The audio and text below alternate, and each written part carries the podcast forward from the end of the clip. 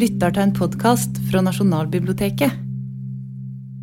Magnus med Guds miskunn, Norges konge, sønn av kong Haakon, sønnesønn av kong Sverre, sender denne verdige Herre og åndelige Fader, erkebiskop Jon og alle Guds og sine venner i Frostatingslagen Guds og sin hilsen. I vet at de sjelrikeste menn av Frostatingslagen idelig har talt til oss om, at de har spurt at vi holder på med at bøte noe på de fleste lovbøker her i landet, med de beste menns råd, og bedt oss at Edas bok ikke måtte bli udelagtigg i disse ombøter. Men de skal vite for visst at vi burde se oss vel fore før, men særlig nå da I har trøstet så meget på vårt forsyn at De har dømt den hele lovbok at være i vår skipning, så vi kunne ta fra og sette til hva vi fant mest passende med de beste menns råd. Og Derfor har vi nå en tid lang idelig gransket den, og tykkes det oss at der mangfoldige steder kunne gives full ordskurd, betydning, avgjørelse, med færre ord, hvor den før bruker overflødig mange ord men somme steder trengte den sannelig tillegg, der hvor den ingenlunde er så klar som mange fåkundige trengte det. Uaktet vi nå føler oss meget udyktig til et slikt storverk, har vi dog lagt skrive denne bok, som vi sender eder, på den måte som den selv vitner, stolende på Vår Herres Jesu Kristi miskunn, og den hellige Marias og den hellige kong Olavs forbønn, og den rettledning vi har fått av de skjønnsomste menn som hos oss var.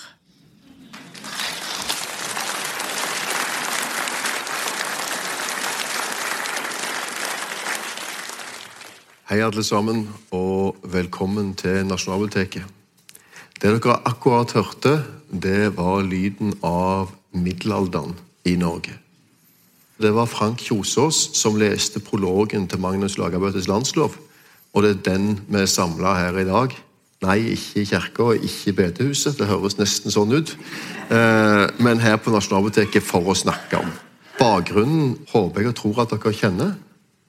Det er Delvis at vi rett der ute har Codex Hardenbergianus på framsyning i Norge for første gang på 500 år. Eh, som er den flotteste utgaven av landsloven som har vært. Den andre bakgrunnen er selvsagt den betydningen som Magnus Lagerbøttes landslov har hatt i norsk og europeisk historie. Rettshistorie, samfunnshistorie, politisk historie og for denne slags skyld skrift- og, og, og eh, kunsthistorie. Og Da begynner vi med, med, rettshistorien. og Da har vi eh, selveste Jørn Øyrehagen Sunde, som er eh, professor i rettshistorie ved Universitetet i Bergen. Hva er det vi skal snakke om i dag? Hva er, hva er en landslov? Ja, altså Det er kanskje det aller viktigste. For at egentlig, når vi begynner å snakke om en landslov i høgmellomalderen, eh, så hadde jeg vært mest tilfreds hvis alle dere gispa av begeistring. Men for at en skal få til det, så må en ha litt bakgrunnskunnskap. Og, ja, altså det, da Å lovgi er en helt naturlig del av vår måte å styre et samfunn på.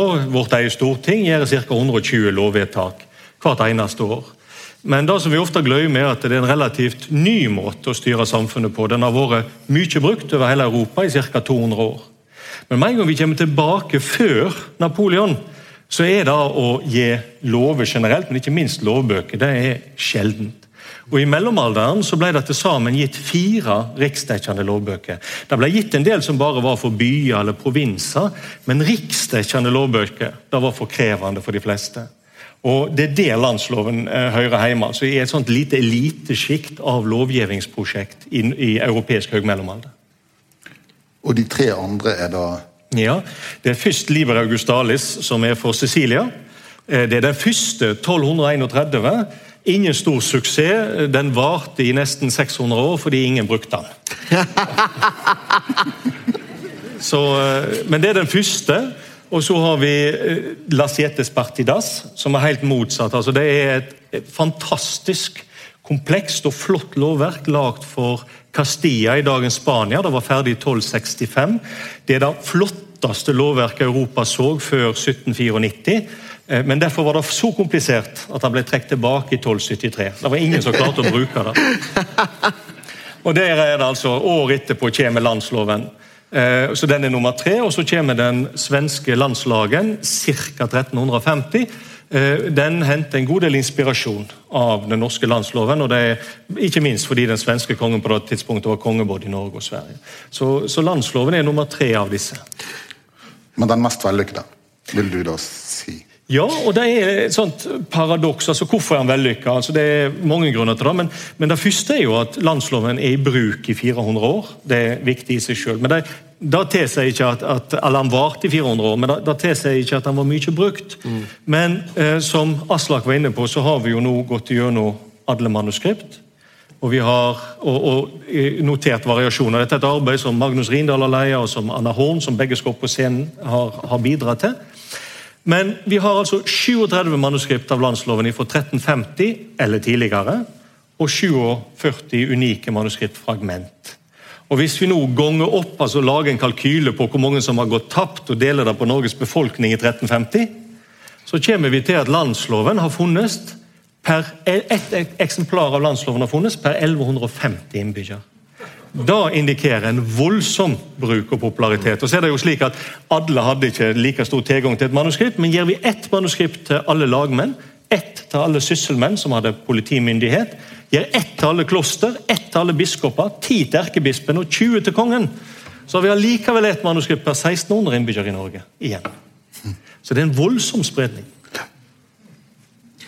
Eh, hvorfor Jeg må nesten spørre spør om det. Eh, Hvorfor er det akkurat i Norge uh, og akkurat under Magnus Lagabøte at denne loven blir til? Hvorfor lykkes det her, og kan du starte det? Og Et stort spørsmål. Jeg må ta et utvalg tror jeg, av faktorer.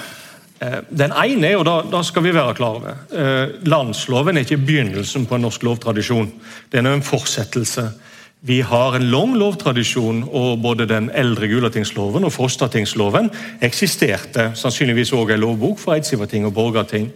Og Både Frostatingsloven og Gulatingsloven har regler som vi med stor sikkerhet kan føre tilbake til tidlig tusentall, og regler vi med mindre sikkerhet, men, nok, men jeg tror nok allikevel vi kan da føre tilbake til 900-tallet og kanskje 800-tallet. Så vi har en lang lovtradisjon. Det er det første.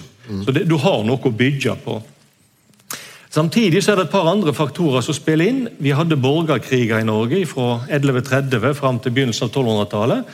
De var aldri store i omfang, men de varte over lang tid. Mm. Og Det gjør at du har en befolkning som er rett og slett trøtt. Konflikt. Mm. Og som er veldig mottagelig for den typen fredelig samfunnsstyring som, som landsloven representerer. Og så har vi dette fantastiske 1200-tallet under Håkon den 4., som er en konge som eh, åpner opp det norske riket for europeiske eh, impulser og kobler det allerede med det gode som finnes der, og skaper en, en kultur, både en politisk kultur og en intellektuell kultur, som gjør landsloven mulig. Og Så skal jeg begrense meg til én faktor til, og det er jo sjølve Magnus Lagerbøter. Mm. Veldig interessant karakter. Han er den eneste kongen i norsk mellomalder som ikke fører krig. Altså Han bruker sine ressurser på å styre samfunnet med å lage denne lovboka. Vi må huske at det er, et, det er et omfattende arbeid, det tar lang tid å lage denne lovboka. Eh, og som har en slags sånn, en, en, personlighet som gjorde at han fikk folk til å jobbe sammen. De konflikter vi ser før hans regjeringstid og etter hans regjeringstid, de ligger døde når han styrer. Så Det er litt et spørsmål om person og personlige egenskaper. Men kan, kan vi gripe fatt i det? Fordi at, uh, som du sier, Dette er jo det som jeg pleide å kalle høy, den norske høgmiddelalderen og, og på en måte Norgesveldet og alt dette. så Det er jo høydepunktet på mange måter i den, den gamle norske historiefortellingen. Og Jeg har lest en plass uh, at uh, altså, far til Magnus Lagabøte, Håkon 4., uh, sendte ut opptil 100 uh, envoys, sto det på engelsk, altså utsendinger, uh, til Castilla og til Italia for å studere rettsvitenskapen på det tidspunktet. Ja. Hva er det som skjer? Hva, hva, jobber de med lovarbeidene der? Hva diskuteres på universitetet i Italia? Hva foregår? Og Vi vet at han også sendte diplomatiske forbindelser til Tunisia, så det var en ambisiøs mann. Men, men det jeg da lurer på, er er det tenkbart? Altså, Er Norge på det tidspunktet et samfunn som, som har 100 mann å sende ut, eller er det en slags overdrivelse, tror du? Ja, Det var et godt spørsmål. Um, disse 100, altså 100 personer reiser med hvis vi skal ta hele den historien, reiser med prinsesse Kristina, altså søster til Magnus Lagerbøtte. Hun ble gift med prins Filipe av Castilla. Og Da er det 100 personer som reiser fra hoffet i Bergen til Castilla. Og De er der og studerer nettopp denne lovboka, La Sietes Partidas, som blir lagd på det tidspunktet. Og Dette var the talk of the day. Altså Det var dette alle snakket om. Sant? Vi lager en helt ny lovbok. De har studert prosessen, og så har de kopiert prosessen, ikke innholdet. Det er ingen regler som er like i La Sietes Partidas og landsloven, mm. men prosessen for å lage den er lik. Så det er, og, og, og Bakgrunnen for at Kristina eh, blir gift, det er jo at eh, kong Alfonso av Castilla ønsker å eh, ha et angrep på Nord-Afrika, rett og slett. Mm. Eh, og den største flåten i Europa, den er i Norge. Og Det er derfor de har denne giftingsalliansen, mm. og som altså fører lovgivningsideen. Mm. Eller ideen var nok her, men de kan studere at dette er mulig. Mm. når de er der. Og Så har vi de som har studert, altså en av de som, som, som reiser fra hoffet. En må ha nesten en bevisst politikk på å sende ut folk mm. for å studere. og En av de som har studert, er Lodin Lepp, som er sendemann. Mm. Han eh, er med prinsesse Kristina til Castilla, men han er også helt sentral i hele arbeidet med landsloven, og den som setter punktum for hele dette prosjektet når islendingene får sin egen lov gitt av Magnus Lagerbøter i 1281. Mm. Så Du har både denne store delegasjonen og hva de så i Castilla, men du har disse unge aristokratene som er ute i Europa, på universitet, og får ideer som de tar med seg hjem. Det er et eh, fascinerende bilde av Norge i dette òg. Fordi at uh, Hvis du da sender 100 mann som sendebud, og uh, du har Lodin Lepp og andre på universitetene som studerer dette, så, så, og, og, den største flåten i Europa, som, som uh, Philip tenker at denne kan jeg bruke til å okkupere Nord-Afrika med så er det jo et bilde av hvor livet med hoffet i Bergen, da særlig, men helt sikkert i Viken og denne utkroken her borte i Oslo òg, eh, har relatert seg til storpolitikken i Europa. Ja. Eh, på, på, nærmest en sånn daglig basis. Mm -hmm. eh, ja, altså, eh, først, eh, Hoffet er delvis faktisk omreisende på dette tidspunktet. Eh, sånn at det har vært, Dette miljøet har forflytta seg rundt i, i, Norge. Men Håkon 4. er blant annet kjent for nettopp å åpne hoffet opp for europeisk kultur. Det er spesielt den franske. Og Han er en lærd mann. altså Ifølge islandske saga så holdt han ikke tilbake, men talte i store forsamlinger på latin f.eks. Han initierer omsetning av ulike diktverk på fransk til norrønt som blir presentert ved hoffet. Sånn at uh, Etter disse ødeleggende borgerkrigene uh, så får vi en veldig sånn intellektuell oppblomstring faktisk i Norge. Der en henter inn impulser, men altså kobler det også med det som allerede fantes der fra før. Og, og Landslovsprosjektet er nok litt utenkelig uten den, mm. det, det, rammeverket. Ja. Er det da også en, en faktor her at, at, Spania er på denne tiden har på denne tiden nesten 250 år igjen til det vi i dag regner som Spania, som til rekonkvista. Ja. Ja, altså, Norge på dette tidspunktet har stabile grenser. Vi regner det ofte som en stordomstid fordi Norge er på i sånn geografisk utstrekning på sitt største. Eh, hvis jeg får lov til å omdefinere det som rettshistoriker, så vil jeg jo si at det er jo fordi vi utretter store ting. Altså Da å kunne bruke lov for å styre et samfunn i stedet for å bruke fysisk makt, da er en, en stor ting. Og hvis, hvis, jeg får lov til å hoppe litt nå i temaet, bare bitte litt, så eh, det, det flotteste med landsloven, og som er aller mest imponerende, det er jo at den tar spesielt hensyn til grupper som ikke kunne være på Slottet i Bergen, der loven også sikkert ble skrevet, og lobbyere. Altså Den gruppa som i størst grad er tilgodesett i landsloven, er de fattige. De slipper ikke inn engang på Slottet. Men det er de du tilgodeser. Og hvis du er en konge som tilgodeser de som ikke har makt til å takke deg og gi deg tjeneste igjen, da er du en, en konge som styrer langt utover egeninteresse og kort profitt. Men det, det, Dette må du utdype. Uh, dette må du utdype lenge. uh, ja, lenge og vel, faktisk. Men altså, forklar, uh, forklar sånn at en enkel sjel fra Stavanger kan forstå hva er det i loven som eh, tilgodeser de fattige, som du sier. Du har pekt på, pekt på kvinner og barn tidligere. Uh, og som ikke finnes andre plasser, eller som ikke fantes før. Altså, Hva er det for noe? Hvordan finner vi dette når vi leser lovtekstene? Ja, altså, la, la meg først gi dere et eksempel på hvordan en tenkte omkring de, de fattige i den eldre Gulatingsloven. Eh, den eldre Gulatingsloven har altså røtter langt tilbake i tid, iallfall tilbake til begynnelsen av 1000-tallet, men, men den er nedskreven i det manuskriptet, komplett, det komplette manuskriptet vi har, er fra 1260. Så det er bare 14 år før landsloven kommer. Og Der har vi en regel om gravgangsmenn. Og Den går enkelt og greit ut på dette. Hvis en frigjeven trel svelter og Det er ganske mange frigjevne treler, fordi du er frigjeven trel i fem generasjoner. Så det, det, det er en ganske stor gruppe av folk. Altså, Etter, etter frigjeving så er du frigjeven trel i fem generasjoner.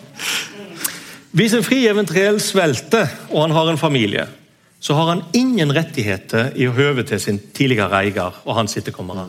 Skulle han allikevel gå til den tidligere eieren og be om mat, skal den tidligere eieren grave ei stor håle på kirkegården, hive alle nedi, og den som overlever lengst, skal han fø. Det er ikke en regel der en tar hensyn til de fattige sine behov. det, det kan du si! Og det, og det, det, det er ikke en, en, regel som er blitt slik av ren tilfeldigheter, fordi vi finner senere i landsloven at gravgangsmenn er en egen skatteklasse. Poenget var nemlig at Hvis du tok inn en gravgangsmenn i stedet for å hive ned i dette hullet, så skulle du ikke tape på det fordi du ble skattlagt etter blant annet hvor mange som bodde på gården. Sånn at det, det, Gravgangsmenn, denne klassen av frigjevne treler, de har funnes, og de blir tatt hensyn til når du utarbeider skattesystemet. Så, så den regelen gir uttrykk for holdninger mm. eh, i forhold til de fattige. Landsloven den har ei, innfører indirekte ei almisseplikt overfor de fattige.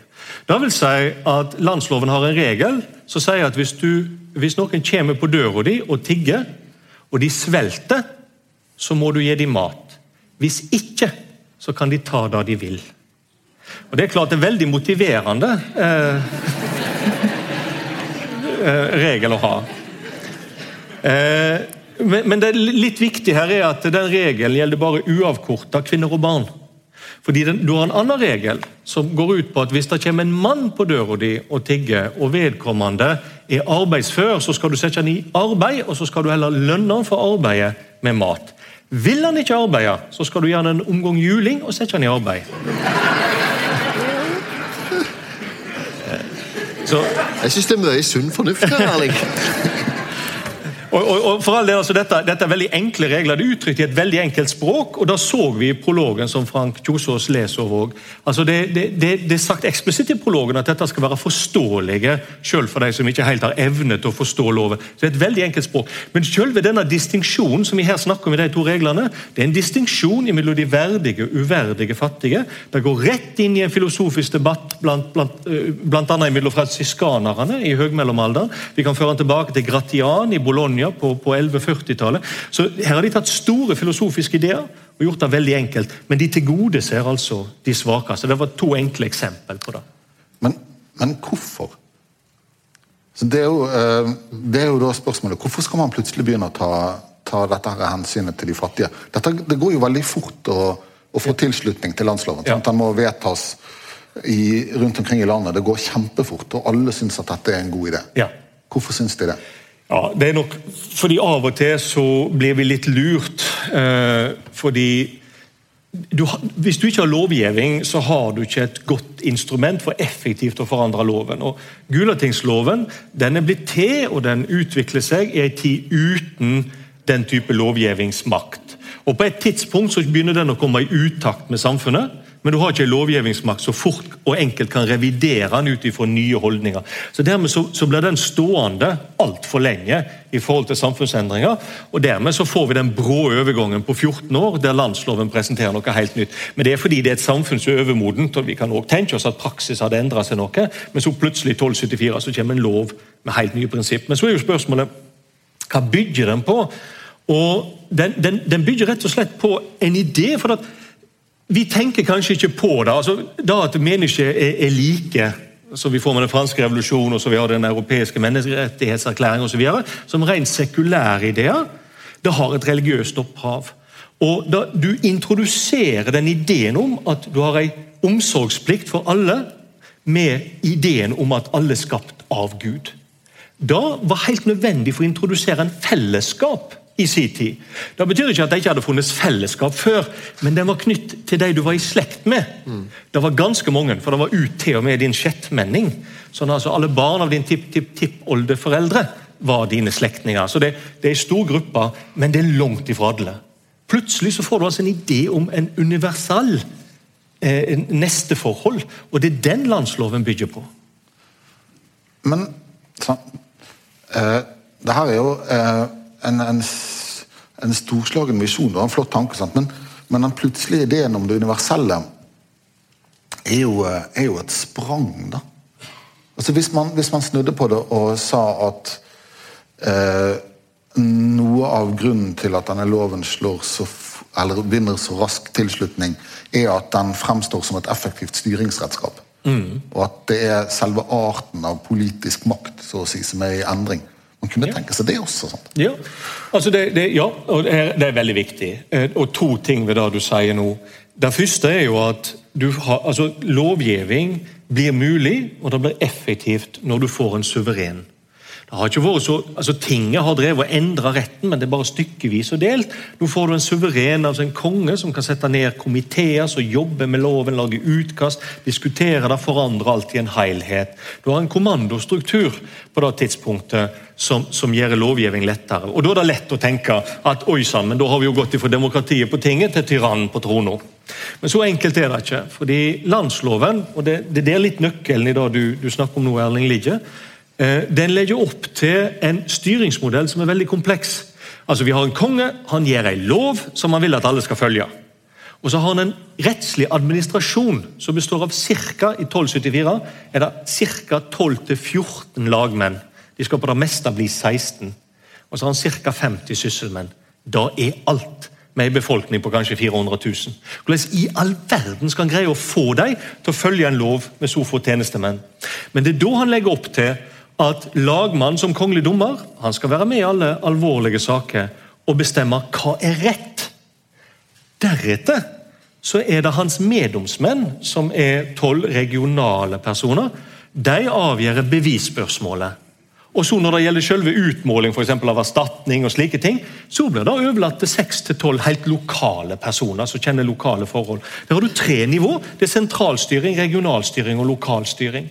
Og Det betyr at når kongen gir loven, så sier han her er rammene som dere skal holde dere innenfor. Men innenfor de rammene så har en regionalt og lokalt veldig stor påvirkningskraft. Og jeg tror Der ligger litt av suksessfaktoren.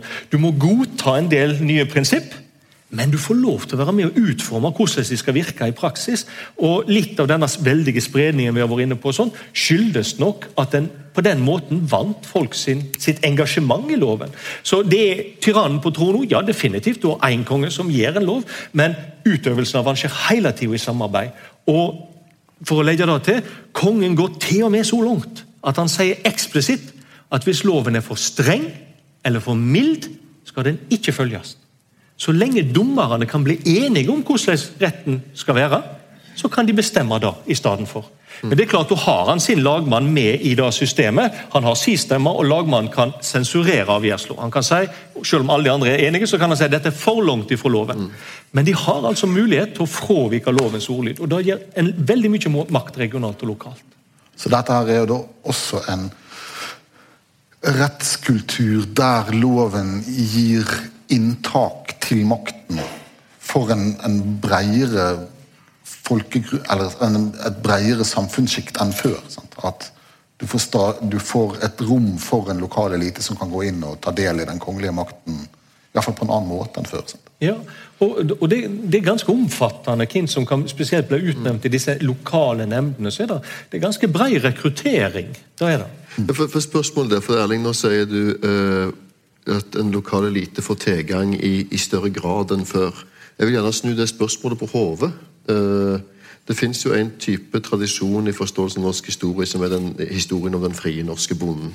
Samfunnet som ikke er føydalt, osv. osv. Det fins mange ting rundt det. Men, men øh, den enorme gjennomslagskrafta som Magnus Lagabøtes landslov har i Norge og Norges velde, og den lange varigheten han har, Eh, må jo på et eller annet nivå som du nå forteller om, Jørn, bygge på at den er i tråd med både en rettsfølelse og at den løser et problem.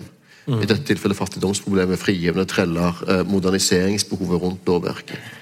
Men eh, det, kan det tenkes, og dette er, selv om det ikke høres sånn ut, et åpent spørsmål, kan det tenkes at det prinsippet som ligger i landsloven eh, om eh, folkelig meddomsvirksomhet, folkelig deltakelse, det ikke er embetsmennene, men bøndene sjøl som, som uh, utmåler straffa og, og tar inn bøter osv. At det bygger på rettstradisjonen før det, altså tingordningene og det som har vært førskriftlig i tid òg. At det er en av grunnene til at det går videre. altså At det ikke nødvendigvis er et brudd, men en videreføring av en tradisjon folk opplever som legitim. Ja. Altså, tinget har jo hatt òg altså På tinget har folk vært representert. Så er det veldige diskusjoner om, om alle sosiale lag og videre har vært representert, men altså du har hatt en, en relativt vid representasjon på ting òg. Og det er klart at den tingtradisjonen eh, den bygger landsloven delvis på.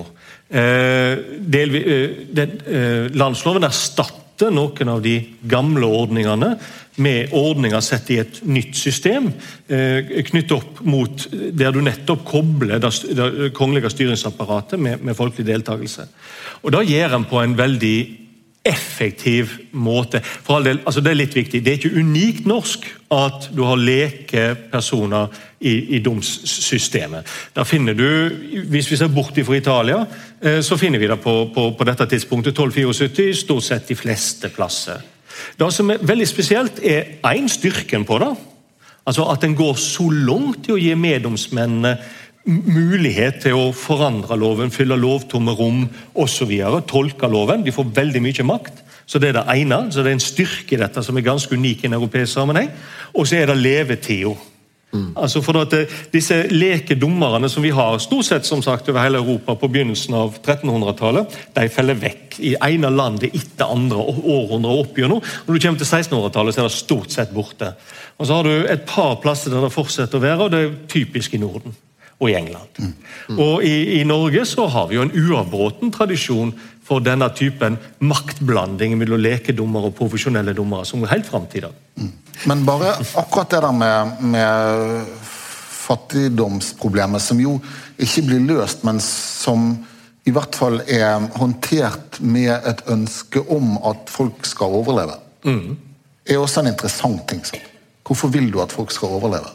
Mm. Hvis vi nå liksom skrur, skrur tanken tilbake til null her, så er jo dette også denne tanken om at befolkningen skal være stor. Mm. Det, kommer den inn så tidlig? Ja, altså det, det, er to ting. Det ene er at du har en grunnleggende verdi. Altså Hvis vi alle skapte Guds bilde, så har du et, et ansvars- eller omsorgsplikt overfor andre. Mm. Eh, og Det er veldig viktig med landsloven. Og i hvert fall våre, den, altså den tanken har nok vært ulikt fordelt i Norge på den tida. Den har vært veldig sterk hos Magnus. som eh, og Det er bare en sånn liten digresjon for å svare på resten av spørsmålet. Magnus Lagerbøter er interessant fordi han er nok aldri tenkt å bli konge i det hele tatt. Altså Når han er to år gammel, i 1240, da blir den eldre broren hans, Håkon, krona til konge i lag med faren Håkon den fjerde. Så du har altså Håkon den unge og Håkon den gamle som regjerer i lag i 17 år. Og Magnus han driver med helt andre ting. Han, han er i klosteret til fransiskanerne i Bergen, Olavsklosteret, og følger forelesningene der.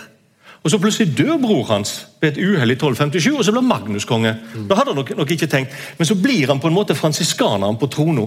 Altså, han er forma av tiggermunkene. han. Mm. Og Så blir han konge uten helt å ha villet det, og så fortsetter han som munk med krona på. Det er litt der han er. Så Han er en fascinerende person. Eh, men så var det til det andre. Jo, er veldig viktig. Altså om Befolkningen er stor, men det er nok viktig at befolkningen er produktiv. Og de aller fleste reglene som angår fattige i landsloven, de, de gjelder ikke allmisseplikt eller omsorgsplikt i form av legdsystem osv. Men da gjelder regler for å få de fattige inn i produksjonslivet igjen. Mm. Altså Spesielle regler som gjør at de fattige skal ha mulighet til å rydde seg jord, mm. til å leie seg ei ku, til å ta opp lån. Altså Alle disse reglene, rett og slett økonomiske regler, har spesielle Eh, ting ved seg som gjelder de fattige og deres muligheter. Så, så, så loven er veldig retta inn på ikke bare å gi støtte så du skal overleve, men rett og slett få deg inn i samfunnet. Og Da blir du jo en av nemndemennene, kanskje en av disse med, regionale meddomsmennene. Så du skal inn og opp rett og slett. Sånn, sånn er ideen i landsloven. Høres fryktelig moderne ut, og da blir en jo alltid mistenksom. Sånn kan de ha tenkt sånn i mellomalderen. Men jeg tror altså da Jeg har lest loven ganske mange ganger. Men, men, men Er ikke dette litt sånn uh, en følgefeil av kristendommen på mange måter? Fordi at uh, altså, Hvis du leser Gulatingsloven i Ja. nedskreven form, så står det f.eks. i Gulatingsloven at uh, her på tinget så skal vi hvert år bli enige om å frigi en trell, og så går man gjennom systemet for hvordan man frigir den trellen, og, og hvordan du fordeler det for å sikre at vi i fylket trenger bare å frigi én til sammen, egentlig, og det skal gå på rundgang, og de andre betaler, osv. Ja. Hvis du bytter ut 'frigi' med 'ofra', så gir den paragrafen mye mer, eh, mye mer logikk i det da. Og Du ser andre ting som det samme. Du skal brygge en helsikes masse mjød til jul for å feire Jesus og, og Maria, mens normalt sett så brygde du en helsikes masse mjød til jul for å, å drikke deg full og feire midtvintersblotet. Eh, så du, du har skifta over fra en, en, en hedensk til, til en kristen tradisjon. Neste steget er at du ikke skal ha treller i det hele tatt. Ja. Og i en slaveøkonomi og ikke ha treller skaper jo kaos. Ja. Eh, Det vet vi fra Romerriket tidligere i historien, og vi ser det her. Og sånn sett så tenker jeg, hvis, Det du beskriver her, ja, jeg høres ekstremt moderne ut, men òg en dyd av nødvendighet. Hvis du nylig har hatt en slaveøkonomi, og så har annammet en religion som sier at det får du ikke lov til. mm. og, og de også samtidig så sier du, peker du sjøl på at eh, etter som samfunnskonstituerende i oppløsning. Du har kaos i gatene. Folk Ja. setter fyr på biler og øh, ikke vet hvor de skal gå. Ja, eh, Først bare den, den og det er veldig viktig. altså Vi har den eldste, de, eldste delene av den eldre Gulatingsretten vi kan datere, er jo disse som vi kan datere med sikkerhet, nokså stor sikkerhet. og Det er 1024, det er lagd av Olav den hellige, vedtatt på Moster. Eh, og disse Reglene er slik, og det er den første sånn forsiktige steg for å kristne samfunnet. og Da, da tar du alt som er hedensk og gir det en sånn kristen tvist, og så sier du at dette får gå i første omgang. Ja. Eh, og så er landsloven 250, ganske nøyaktig 250 år etterpå. Sant? 1274. Og da er du kommet der at nå, kan, nå er det bare å kjøre på. Eh, Rett og slett. ja. eh, men, men og så er det veldig viktig da du sier at innimellom her så har vi hele 1100-tallet, som egentlig er det, det mest interessante århundret kanskje i, i norsk mellomalder. sånn som jeg ser det. Ikke si det nå. Ok, ok. men, men eh, for at da, eh, da forsvinner trellsamfunnet. Og Det høres jo bare positivt ut, men det er klart en frigjeven trell har ikke hus, han har ikke arbeid, han har ikke kapital. Eh, og og trellbefolkninga var ganske stor, så vi snakker om en ganske sånn stor del av Norges befolkning som er i fattigdom. Og så har vi dette med at ettersamfunnet går i oppløsning, og dermed så de som er uheldige og feller i fattigdom, har ikke et nettverk lenger. Og så, så ja, det er et samfunn som og da er vi tilbake til det du Erling spurte om, hvorfor får loven sånn fort gjennomslag. Men det, det er fordi det finnes så mye nå som ikke passer lenger med de lovene som er. De er ikke tilpassa den nye situasjonen, og du må gjøre noe. Da, Det er basis og overbygning. Det var det jeg skulle til. Jeg til at jeg ikke sa det sjøl. Jeg til at det kom derfra. Så må vi gjøre ett spørsmål til slutt, før han må byttes ut på scenen. Og det er at Du må fortelle oss hvor lenge dette virkte. Altså, Hvor lenge er Norge styrt av denne loven, av Magnus Lagabøtes landslov? Hvor lenge virker denne loven? Klarer f.eks. Kristian Kvart og Knertan? Ja eller nei? nei. Hørte, hørte dere det? nei, altså Landsloven er i bruk eh, fram til 1687. Kristian 5. Kristian 5. Ja. Nettopp. Som Knertan. Eh, og han innfører et lovverk som er betydelig dårligere enn landsloven. faktisk. Hørte dere det? Danske? Eh, noe av landsloven ble videreført i, i tredje bok, altså det som gjelder eiendomsrett og eiendomsforhold og, og slikt på landsbygda. Så noe av landsloven ble ført videre, og så blir han avløst på ulike eh, tidspunkt. Gjerdeplikta blir forandra med en lov i 1866, og så har du liksom enkeltregler som forsvinner utover 1800-tallet til det, det er lite enkeltregler igjen. Visse institutt som blir formulert i landsloven, sånn så odelsretten som blir reformulert, og allemannsrett osv., de finnes jo den dag i dag. Men jeg tror ikke det, det er likevel ikke enkeltreglene som er den viktigste arven. Hvis jeg, jeg tror jeg har ett minutt igjen. Eh, den viktigste arven tror jeg er to ting. Det ene er selve det å styre samfunnet gjennom lov. Vi er jo ett av to land i Europa som får to lovbøker før 1800. for Vi får jo den nye i 1687. Vi er et land som har vært styrt av lov og lovbøker eh, over veldig lang tid. Og vi finner i Norge i dag en voldsom tiltro til lov som styringsmiddel. Altså Nordmenn tror at stortingspolitikere og høyesterettsdommere og politi og alle vil de vel. Det tror 90% av alle nordmenn. Eh, og vi er, veldig, vi er veldig fornøyd med å bli styrt. Eh, og da har vi muligens vært siden 1274. Det er den ene arvo. Det er den ene arvo. Det er litt forenkla sagt, men nå, nå, har jeg jo bare 20 sekunder igjen. så da må det bli veldig kort. Eh, det neste, tror jeg, og det, det er det vi skal være aller stoltest av. Og det er det som jeg sa tidligere, nemlig at Landsloven er prega av å ta hensyn til grupper som ikke hadde lobbyeringsmakt. Det er de fattige, men det er også kvinner og barn. Og Dette er veldig interessant. Altså At du så tidlig får en tradisjon der det ikke er makt som produserer rett, men det er òg visse overordna ideer. Da syns jeg vi skal være stolte over at vi har vært flinke til, ikke på alle felt og i alle anledninger, for alle, vi skal ikke forherlige norsk rettshistorie, men vi har vært relativt flinke. Og vi har gjort det et par ganger.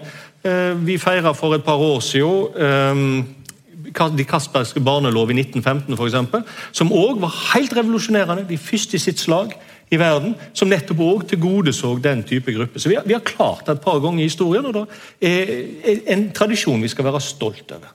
Dette er jo et, et, for meg i hvert fall en opptakt til den markeringen vi skal ha av landslovens 750-årsjubileum i 2024. For 700-årsjubileet i 1974 ble markert av to frimerker og ett foredrag. Og vi har jo allerede overgått her. Veldig bra. Veldig bra. On være happy note.